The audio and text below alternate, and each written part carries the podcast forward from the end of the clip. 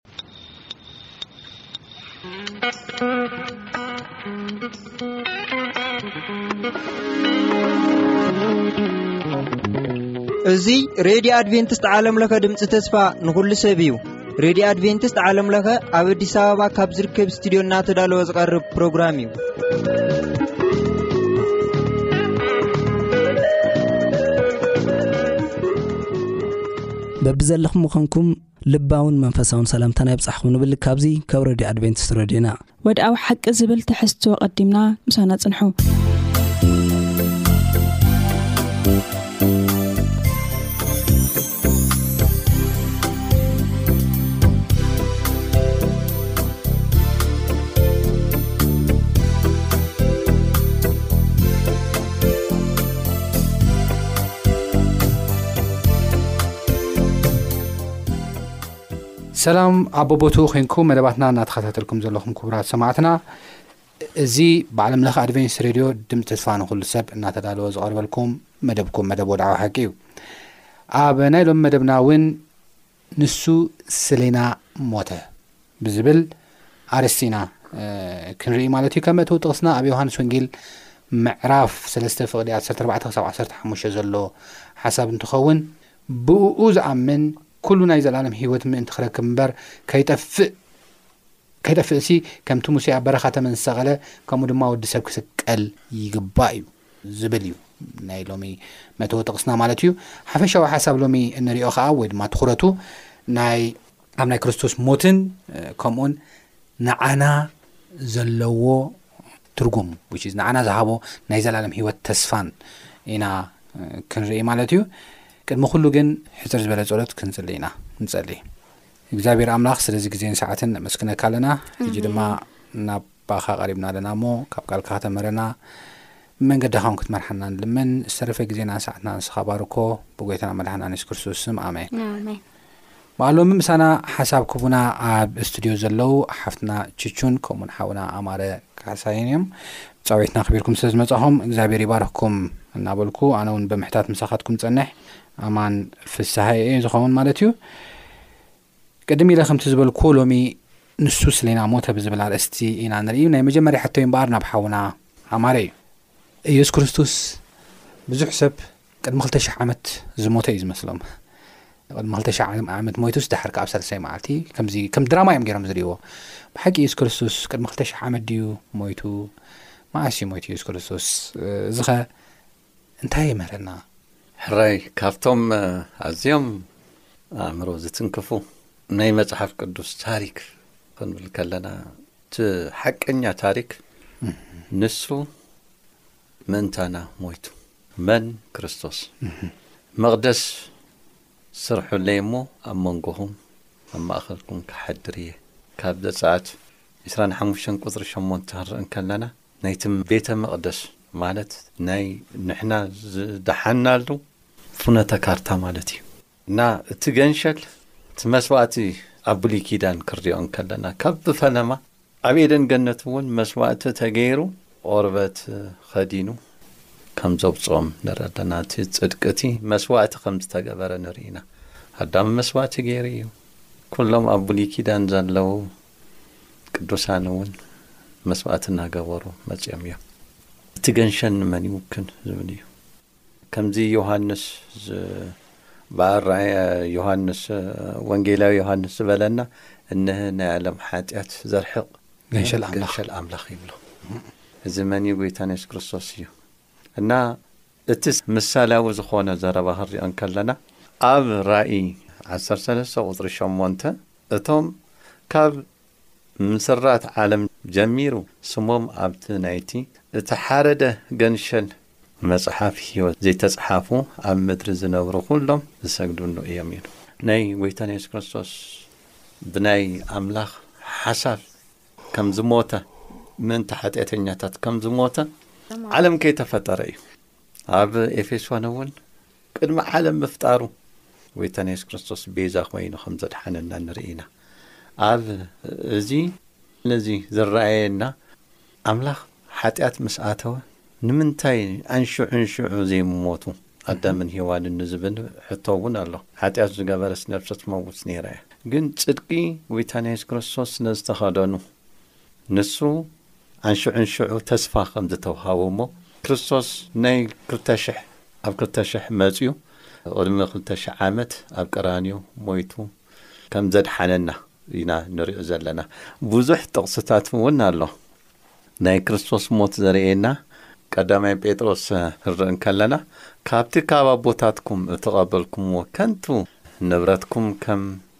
ብደም እቲ እምበር ርኽሰትን ዘይብሉ ገንሸል ብኽቡር ደም ክርስቶስ እምበር ብጠፋኢ ነገር ብብሩር ወይስ ወርቂ ከም ዘይደሓንኩም ትፈልጡ ይብል። ኣብ ግብሪ ሃዋርያት እውን ከምኡ እዩ ዝብል እና ክርስቶስ ብደሙ ሓጢኣት ክረክብ ዓለም ከይተፈጠረ እቲ ገንሸል ከም ዝተሓረደ ናይ ሓጢኣት ስሬት ንረኽበሉ በዚ ኮይና ን ብናይ ክርስቶስ ደም ከም ዝደሓና የርእየና ማለት እዩ። ሓንቲ ኣብ ቲቶስ ኣብ ቲቶስ ምዕራፍ ሓደ ቁጽሪ ክልተ እንታይ እዩ ዝብል በታ እቲ ዘይሕሱ ኣምላኽ ቅድሚ ዘመናት ዘልኣለም ዘተስፎ ተስፋ ናይ ዘልኣለም ህይወት ይብለና ማለት እዩ እና ጎይታና የሱስ ክርስቶስ እግዚኣብሔር ኣቦ ሓደ ወዱ ክሳብ ምሃብ ዘፍቀረናን ዝፎትየናን ኣብ ቀራንዮ ሞይቱ ዝተሓረደ እቲ ገንሸል ናይ ዓለም ሓጢኣት ኩሉ ናይ ምድሓን ዝመጸልና ብኡ ቢሉ እዩ እና እዚ ናይ ትማሊ ታሪክ ኣይኮነን ናይ ክልተ ሽሕ ታሪክ ከይኮነ ካብ ብፈለማ ጀሚሩ ዓለም ከይተፈጠረ ዋላ ኣዳም ከይተፈጠረ ሂዋን ከይተፈጠረት ኣብ ናይ እግዚኣብሄር ሓሳብ ከም ዝነበረ ደቂ ሰባት ሓጢኣት ሰሪሖም እዮም እሞ ሽዑ ንሽዑ ንሕና ከመይ ጌርና ነድሓኖ ኣይተብሃለን ኦሬዲ ሬዲ ዝኾነ ዝተዘጋጀወ ዓለም ከይተፈጠረ ብክርስቶስ ኢየሱስ ጎይታና የሱስ ክርስቶስ ሞይቱ ንኣና ከም ዘድሕነና ብእኡ ዝኣምን ኩሉ ናይ ዘለኣለም ሕይወት ክህብ ኣምላኽ ከም ብፈለምታ ኣብ ናይ ኣምላኽ ኣእምሮን ሓሳብን ከም ዝነበረ ይነግረና እዚ እግዚኣብሔር ይባርካ ሓውና ማለ ብጣዕሚ ዝገርም ሓሳብ እዩ ስለዚ የሱስ ክርስቶስ ቅድሚ ክልተ00 ዓመት ዘይኮነ ሞይቱ ሲ ቅድሚ ምስራት ዓለም ከም ዝሞተ ብእግዚኣብሔር ክመውት ከም ተወሰነ እዚ ድማ ተስፋ ኣብ ዘፍጥረት ምዕራፍ ሰለስተ ፍቕዲ ዓሰርተ ሓሙሽተ ከም ዝሃበና ዘርኢ እዩ ድሓር ግን ኣብ ግዚኡ ምዱብ ሰዓት ምስ በጽሐ እታ ክትከውን ዘለዋ ከም ዝኾነት ኢና ንርኢ ምስኣ ተሓይዛ ሓፍትና ቹቹ ናባኻ ክመጽእ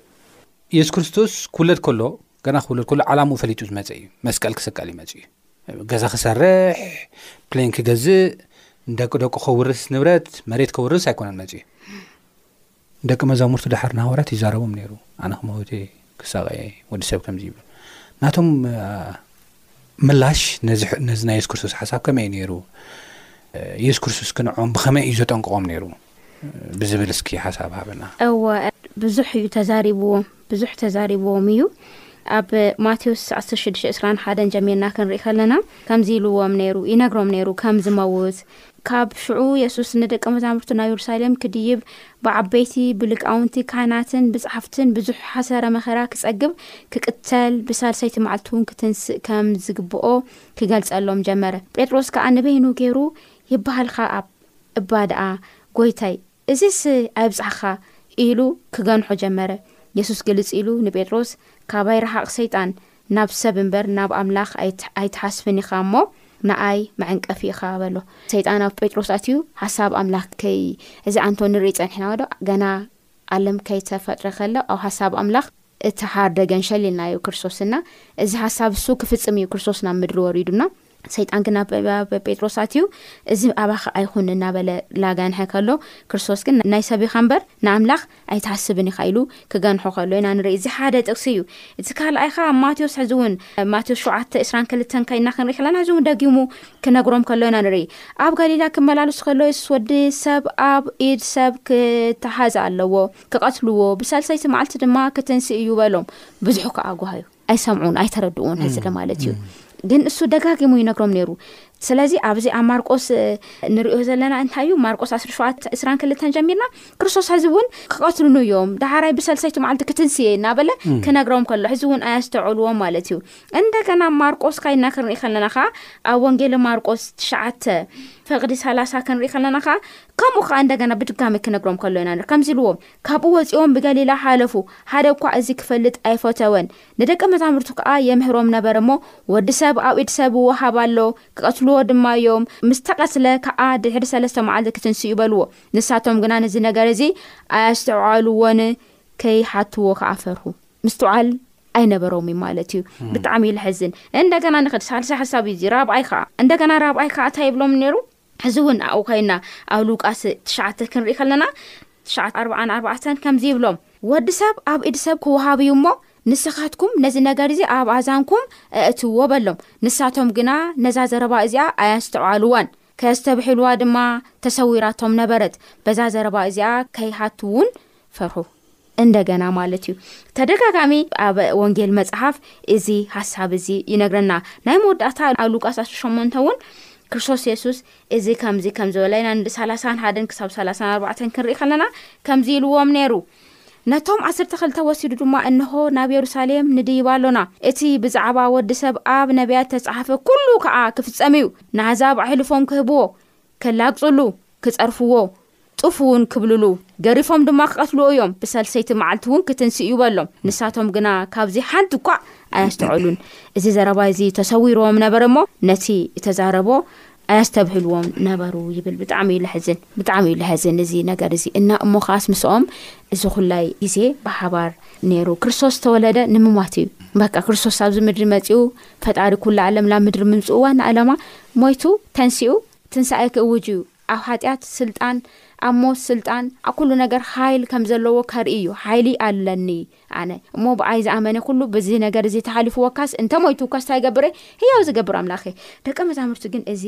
ኣይተረድእዎን ይብል ክርስቶስ የሱስ ንቀደሙስ እውን ተዛሪቡ እዩ ንቀደሙስ ታይ ርዎ ነይሩ ንቀድሙስ ኣብ ዮሃንስ ገና መጀመርያ ኣከባቢ ክንሪኢ ከለና ብኡ ዝኣምን ሲ ናይ ዘለኣለም ሂወት ምእንቲ ክህልዎ ሲ እቲ ወዲ ሰብ ስታይ ይገብር ክስቀል ይግብኦ ኢልዎ እዚ ጠቅሊልና ክንሪኢ ከለና እቶም ደቀ መዛሙርቲ ወይ እቶም ተከትልቲ ጎይታና መድሓኒና የሱስ ክርስቶስ ነዚ ነገር እዚ ኣያስተዖልዎን እዚ ናይ ክርስቶስ የሱስ ናይ መጀመርያ ትንሳኤ እዩ ነይሩ ሞይቱ ክትንስእ ዝነገሮም ንግግር እዩ ነይሩ ኣይተረድእዎን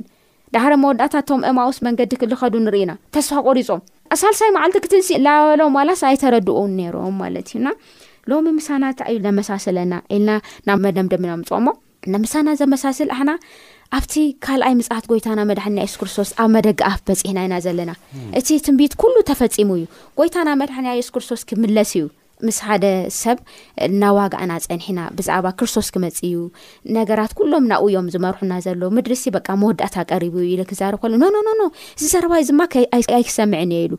እንታይ ደኣ እንታይ ደኣ ኮንካ ገለ ይብሎ ኣለኹ ሲ ኣነሲ ከይተመራዕኹሲ ሰማይ ክኸይድ ኣይደልን እዩ ስለዚ ኣብ ምድሪ ክምርዖው ንየኒ ገለ ክብል ከሎ ኣምዚ ቀልዲ ነገር እዩ ዝመስል ግን ሓምኡ ኢና ንኤና ኩላትና ሲ ኣብ ምድራዊ ነገር ኢና ላዕልን ታሕቲ ንብል ዘለና ጎይታና መድሓኒያ የሱስ ክርስቶስ ግን ክመፅ እዩ መጠንቀቅታ ኩሉ ተወዲኡ እዩ እሞ ከምቶም ደቀ መዛሙርሲ ከይተዳለና ቀሪና ደሓረ ናብ ጉድኣት ናብ ጥፋኣት ናብ ጉያ ጉያ ከይንኸድ ክንዳሎ ነቲ ምጻእቱ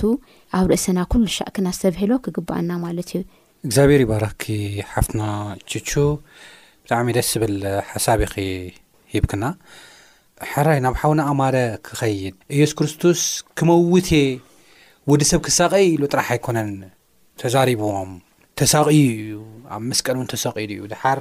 ኣብ መስቀል ተሰቒሉ ሓደ ቃል ኢሉ ነይሩ ቴቴለስታይ ተፈጸመ ዝብል ቃል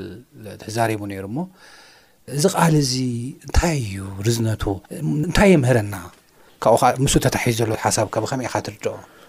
ታሪክ ብዙሕ ዓመታት ኣይኮነን ንታሪክ ክልተ ሽ ዓመት ቀረባ እዩ እዚ ነገር እዚ ናይ መፅሓፍ ቅዱስና ኣብ ሓቂ ዝተሰረተ ታሪክ እዩ። ጎይታና የሱስ ክርስቶስ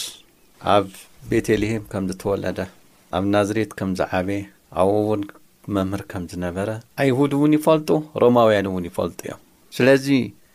ረሳዕቲ ስለ ዝኾንና እምበር ደቂ ሰባት እዚ ትኽክለኛ ታሪክ ጎይታና የሱስ ክርስቶስ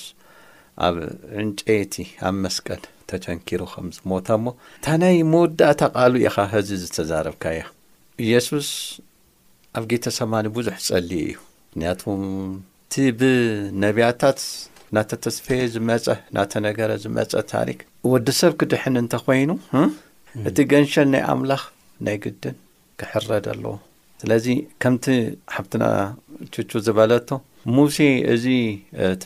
ተመን ቀቲሉ ከም ዝሰቐሎ ኩሉ ወዲ ሰብ እውን ከምኡ ስቀል እዩ ንኡ ዝረኣዩ ንኡ ዝረኣዩ ብምልኦም ከም ዝደሓኑ ኩሉ ክርስቶስ ክንሪኦ ይግበኣና እዩ። ሐዚ ናይ ኣይሁድ ናይ ሮማውያን ገዛእቲ ዝነበሩ ጲላጦስን ሄሮዶስን እናተቐባበሉ ፍርዲ ክህቡ ይናገረና እዩ እና የሱስ ኣብ ዕስራን ሸሞንተን ክንመጽእ እንከለና ክነስ ድሕሪዚ የሱስ ኩሉ ከም ዝተፈጸመ ፈሊጡ እቲ ፍጹም ምእንቲ ክፍጸም ጸማእኹ በለ። ኣብኡ መጺጹ ዝመልኣ ሰፍነግ ኣብ ዘንጊ ስምብዛዕ ገይሩ ናብ ኣፉ ኣቕረበሉ። የሱስ ኸኣ ነቲ መጺጽ ዝመልኦ ምስ ጠዓመ፣ ተፈጸመ በለሞ፣ ርእሱ ኣድኒኑ ነፍሱ ወጸት ይብል። ጎይታና የሱስ ክርስቶስ ኣብ መስቀል በጃ ኮይኑ እዩ። እዚ ዘርእየና እንታይ እዩ? ጎይታና የሱስ ክርስቶስ ሓጢኣትን ናይ ሰይጣን ስራሕ ካብዛ ንነብረላ መሬት ኣወጊድዎ እዩ፣ ኣልይዎ እዩ፣ ሓጢኣት ስሬት ረኺቡ። ስለዚ ዩኒቨርስ ብሞላ መላእኽቲ ከይተረፉ ሓጢኣት መላእኽቲ ንጎይታና የሱስ ክርስቶስ ኣብ መስቀል ሙማቱ ኣገሪምዎም እዩ። ስለምንታይ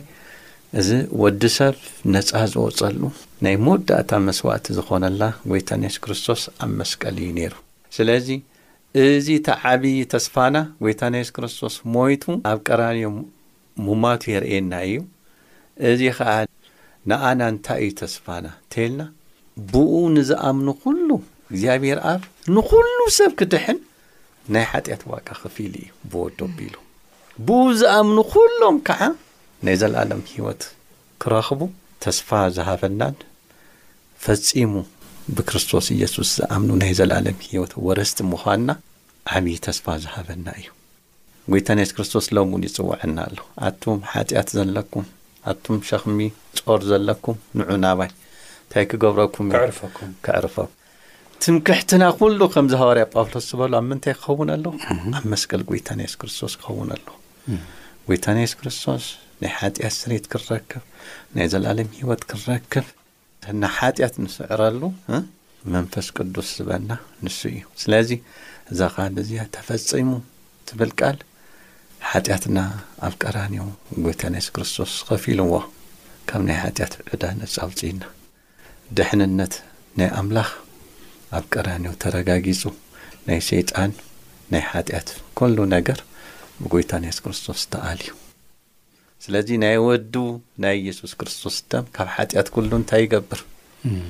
የድሕን የንጽህና ዝብል ተስፋ ተፈጺሙልና እዩ እግዚኣብሔር ይባርኽካ ቴቴለስታይ ዝብል ቃልሲ ተፈጺሙ እንታይ እዩሞ ተፈጺሙ ዝብል ሓሳብ ኣብኡ ብዙሕ ክሪኦ ከለኹ ክርድኦ ከለኹ ሲ እቲ ተፈጸመ ናይ ምድሓና ስራሕ እዩ እታ ቴተለስታይ ዝብል ቃል እውን ከድናብ ንሪእየለ እዋን ተኸፊሉ እውን ትብል ትርጉም ኣለዋ ናይ ሓጢኣት ዕዳና ተኸፊሉ እዩ ዝብል ዘሎ የሱስ ክርስቶስ ስለዚ ከምኡ ኢሉ ክጭርሕ ከሎ የሱስ ክርስቶስ ናይ ዓወት ጭርሖ ከም ዝነበረ፣ ሰይጣን ከም ተሳዕረ ክርስቶስ ግን ከም ዝሰዓረ፣ ምድሓና ከም ተፈጸመ እቲ ናይ ሰይጣን ውዲት ከኣ ከም ዝፈሸለ እናጨርሐ እናኣወጀ ከም ዝነበረ እዩ ዝዛረበና ማለት እዩ እሞ ብጣዕሚ ዝገርም እዩ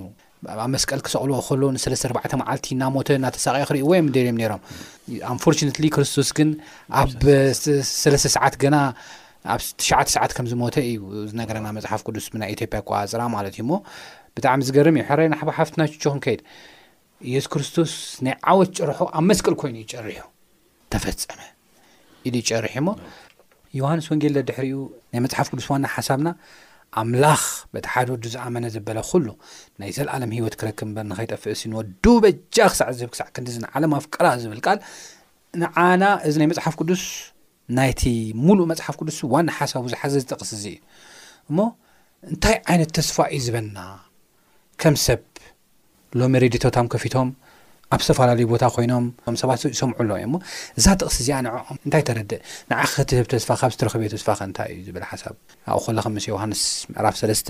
ካብ ዓሰርተ ኣርባዕተ ዘሎ ምስ በዓል ኒቅዲሞስ ኣታሒዝኪ ተሓሒዝክልና ጽቡቕ እዋ። እንታይ ይብል ብእኡ ዝኣምን ይብል a ዓሰርተ ኣርባዕተ ምዕራፍ ሰለስተ ማለት እዩ ብእኡ ዝኣምን ኩሉ ናይ ዘላኣለም ህይወት ምእንቲ ክረክብሲ እምበር ከይጠፍእሲ ከምቲ ሙሴ ኣብ በረኻ ተመን ዝሰቐሎ ከምኡ ድማ ወዲ ሰብ ክስቀል ይግባእ እዩ እቲ ዋና ዕላማ ብእኡ ዝኣመነ ናይ ዘላኣለም ህይወት ክረክብ እዩ ክርስቶስ የሱስ ናብ ምድሪ ዝመጾ ማለት እዩ ካብኡ ቀፂሉ እዩ ዓስር ሽዱሽተ ኣምላኽ በቲ ሓደ ወዱ ዝኣመነ ኩሉ ናይ ዘለኣለም ህይወት ምእንቲ ክረክብ እምበር ከይጠፍእ ንወዱ ቤጃ ክሳዕ ዝህብ ክሳዕ ክንዲዚ ንዓለም ኣፍቀራ ይብል በጃ ክሳእ ዝህብ እግዚኣብሄር ንዓለም ኣፍቀረ ዝብል ነገር ክንርኢ ከለናሲ ኣብዚኣ ስሲ ንዓለም ኣፍቀራ ስንብል ከለና ምናልባት ብሮድ ኮኾነና ይኽእል እዩ ኣስፊሕና በቃ እግዚኣብሄር ንፃዕዳ ኣፍቀሮ ንፀሊም ኣፍቀሮ ንኣንእሽቶ ንዓበይቲ ንኩሉ እዩ ኣፍቂሩ ንደኻ ንሃፍታም እግዚኣብሄር ኣፍቃሪ እዩ ናይ ወዲ ሰብ ኩሉ ኣፍቃሪ እዩ ኸኣ። ኣብዚሓና ኣብዚ ምድሪ ክንነብር ከለና ፈላሊና ከም ነፍቅሮ ኣይነት ኣምላኽ ኣይኮነን ናይ ኣምላኽና ባህሪ ምስኡ ክንከውን ገይሩና። እቲ ኣብይ ንኣምላኽና ባህሪ እዚ እዩ እዚ ደስ ስለብል ማለት እዩ እና ኣብዚ እስቲ ኣቲና ክንርኢ ዋላ ሽምና ኣእቲና ክንርኢ ከለና ሲ ኣምላኽ ሲ ንኡ ዝኣመነ ሰብ ጓለየ ቹቹ ስኺ ሲ ብኣይ ኣመንኪ ምእንቲ ከይትጠፍኢ ሲ እግዚኣብሄርሲ ንኣኺ ኣፍቀረኪ ይብለኒ ኣማረ ከይትጠፍእሲ እግዚኣብሄር እንታይ ገይሩ ቤጃ ሓሊፉ ሂቡ ወዱሲ ኣፍቀረካ ይብለና ኣማን ከምኡ ኣፍቀረካ ይብለና ማለት እዩ ሕድሕድ ና ኣብኡ ዘእቲና ክንሪኢ ከለና ንበዓልና ክንኣቲ ከለና መን እዩ እዚ ካብ ሰማይ ዘወረደ ዮሃንስ ሓደታ ይብለና መን እዩ እዚ ካብ ሰማይ ዘወረደ ቃል ብመጀመርታ ነበረ ይብል ወንጌል ዮሓንስ ምዕራፍ ሓደ ማለት እዩ ቃል ብመጀመርታ ነበረ እቲ ቃል ድማ ኣብ ኣምላኽ ነበረ እቲ ቃል እውን ኣምላኽ ነበረ እዚ ብመጀመርታ ኣምላኽ ዝነበረ ብእኡ ኩሉ ኮነ ካብቲ ዝኾነ ዘበለ ድማ ብዘይ ብኡ ዝኾነ የልቦን ህይወት ኣብኡ ነበረት እታ ህይወት ከዓ ብርሃን ነበረት ብርሃን ኣብ ጸልማት ያብርህ ጸልማት ግና ኣይሕዞን ዮሃንስ ዝስሙ ሰብኣይ ከዓ ኣምላኽ ተልኢኹ ተንስአ ካብኡ እናበለ ይዛረብ ዘ ዮሃንስ እንታይ ኢልዎ ነይሩ ኣብ ዮሃንስ ወንጌል ዮሃንስ ሓደ 29 እነሆ ሓጢኣት ዓለም ዘርሕቕ ገንሸል ኣምላኽ ኢሉ ክጽውዖ ከሎ ኢና ንርኢ ኣለና ማለት እዩና ስለዚ ከምቲ ዝሓለፈ ንርኢ ና እንስሳታት ቅድሚ ክርስቶስ ዝነበሩ ካህናት እንታይ ይገብሩ ነሮም እንስሳታት እናምፅኡ ንሓጢኣት ስርየት ይገብሩ ነሮም ግን እቶም እንስሳታት ብበዕሎም ሓጢኣት ካፅርዩ ምሉኣት ኣይነበሩን ይብለና ምሉኣት ዘይኮኑሉ ክልተ ምክንያት ኣሎ ሓደ እቶም ካህናት ባዕሎም ሲ ምሉኣት ኣይኮኑ ምክንያቱም ሰባት ስለ ዝኾኑ ንባዕሎም ለ መስዋእቲ ስለ ዘቕርቡ ማለት እዩ ካልኣይ ከዓ እቶም ካህናት ናይ ሰማይ ዘሎ ስርዓት ኣይፈልጥዎን ንምድሪ ጥራሕ እዮም ወኪሎም ዝነበሩ ማለት እዩ ክርስቶስ የሱስ ግን ናይ ሰማይ እውን ናይ ምድሪ እውን ስርዓት ወኪሉ ኣብ ምድሪ ዝተረኸበ ኣቦና እዩ እዚ ቃል መጀመርያ ነበረ ኩሉ ብኡ ዝኾነ ኣምላኽና እዩ ናብ ምድሪ ወሪዱ ብከምኡ ኣፍቂረካ ኣነ ብከምኡ ኣፍቂረኪ እዩ ይብለና እዩ ዘሎና ነዚ ፍቕሪ እዚ ኸዓ ተቐቢልና ህይወት ክኾነና ምእንታን እዚ ክኾነና ከም ዝኾነ ኢና ንርኢ ኣለናና ምእንቲ ብእኡ ዝኣመነ ኩሉ ናይ ዘለኣለም ህይወት ክረክብ ይብለና ማለት እዩ ብዘይገድስ ሎሚ ሎሚ ኣብ ወዲ ሰብ ብዙሕ ኣፈላላይ ኣሎ ብጣዕሚ ብዙሕ ኣፈላላያት ኣሎ እዚዩ ኢልና ክንገልፆም ዘይንኽእሎም ኣዝዮም ክፉኣት ዝኾኑ ውዲታት ኣለው ካብ ሰይጣን ደቂ ሰባት ዝተቐበልዎ ማለት እዩ ክርስቶስ ግን